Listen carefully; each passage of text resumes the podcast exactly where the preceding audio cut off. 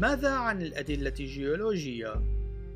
حين نقوم بالنظر إلى العالم وفق المنظور التوراتي يمكننا أن نرى الدليل الجيولوجي على الطوفان في كل مكان علق أحد الأشخاص في إحدى المرات قائلا لو أنني لم أصدق لما رأيته بعد حدوث طوفان عالمي موافق لما يصفه الكتاب المقدس سوف نتوقع العثور على مليارات الأشياء الميتة التي دفنت في طبقات صخرية تموضعت بفعل المياه في جميع أصقاع الأرض.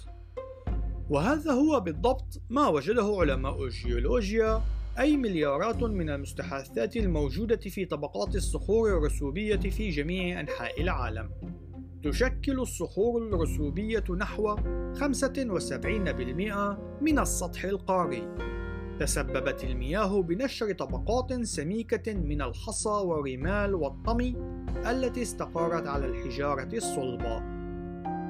وقد دفنت فيها المليارات من المستحاثات النباتية والحيوانية. تشير المستحاثات إلى وقوع كارثة وعملية دفن سريع. لم يكن من الممكن أن يتم دفنها ببطء من خلال عملية استغرقت عدة آلاف من السنوات وإلا لكانت تغذت عليها الحيوانات القمامة أو تحللت.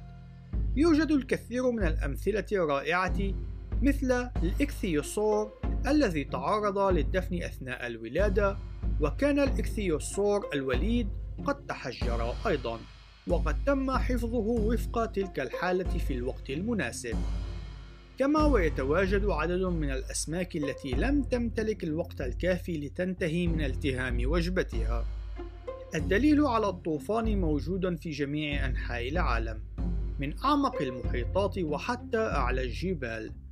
أثناء سفرك حول العالم ستجد كيف تحافظ المناظر الطبيعية على آثار طوفان نوح من خلال الهضاب والأودية وكذلك من خلال طبقات الفحم والمنحدرات.